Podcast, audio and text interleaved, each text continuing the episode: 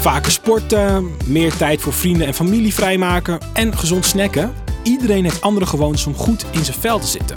Maar wat is nou eigenlijk jouw ding? Nou, ik ben Joshua en ik coach je door gezonde gewoontes heen. Samen proberen we wat nieuws. Met mijn stem in je oren vind jij zo je ding.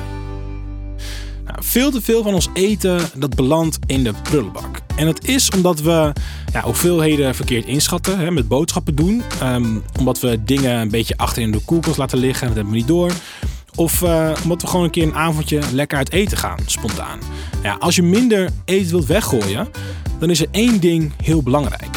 En wat dat is, dat vertel ik je in deze aflevering.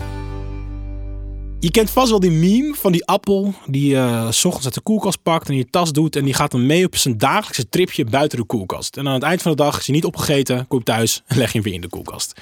Ja, het is een meme, het is grappig, maar stiekem ook wel een beetje herkenbaar. Want uiteindelijk wil je eten natuurlijk gewoon zo lang mogelijk goed bewaren. Waardoor de kans groter is dat je nog een keertje gaat opeten. Want als het op een gegeven moment bedorven is, omdat je het niet goed hebt bewaard, ja, dan gooi je het weg. En dat is zonde.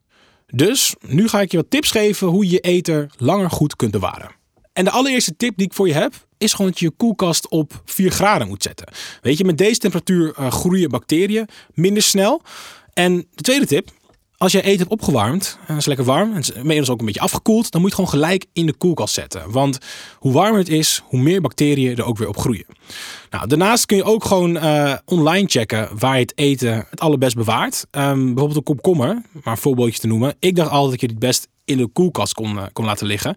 Dat hij dan langer goed blijft. Maar wat blijkt, je kunt hem beter gewoon op het aanrecht laten liggen. Want hoe kouder het is, hoe slapper die wordt. Hij kan helemaal niet goed tegen de kou. Nou, op die manier zijn er dus heel veel tips uh, die je online kunt vinden. Echt lijstjes van, van soorten eten, soorten groenten, waar je die gewoon het best kunt bewaren. Nou, als je die nou uitprint en op je koelkast plakt, dan, uh, dan weet ik zeker dat jij een stuk minder vaak de fout in gaat. En naast dat het goed is om te weten hoe je iets bewaart, zijn er ook nog een paar andere trucjes. Um, wist je bijvoorbeeld dat een avocado sneller rijp wordt als hij in de buurt ligt van een banaan? Ja, dat is echt, echt waar. En, en sneller rijp is natuurlijk ook weer sneller rot.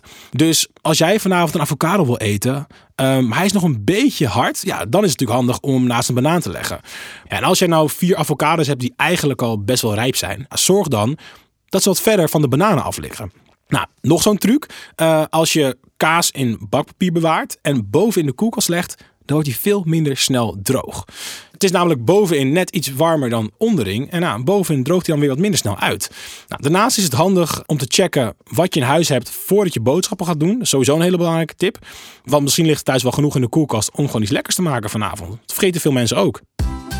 Nou, dat was hem dan weer. Een nieuwe gewoonte die meetelt voor jouw gezondheid. En uh, gooi jij al bijna geen eten weg? Nou, dat is top. Dan heb je volgende week weer een kans voor een nieuwe gewoonte. Meer tips om gezond te leven? Ga dan naar zk.nl slash gezondere voeding.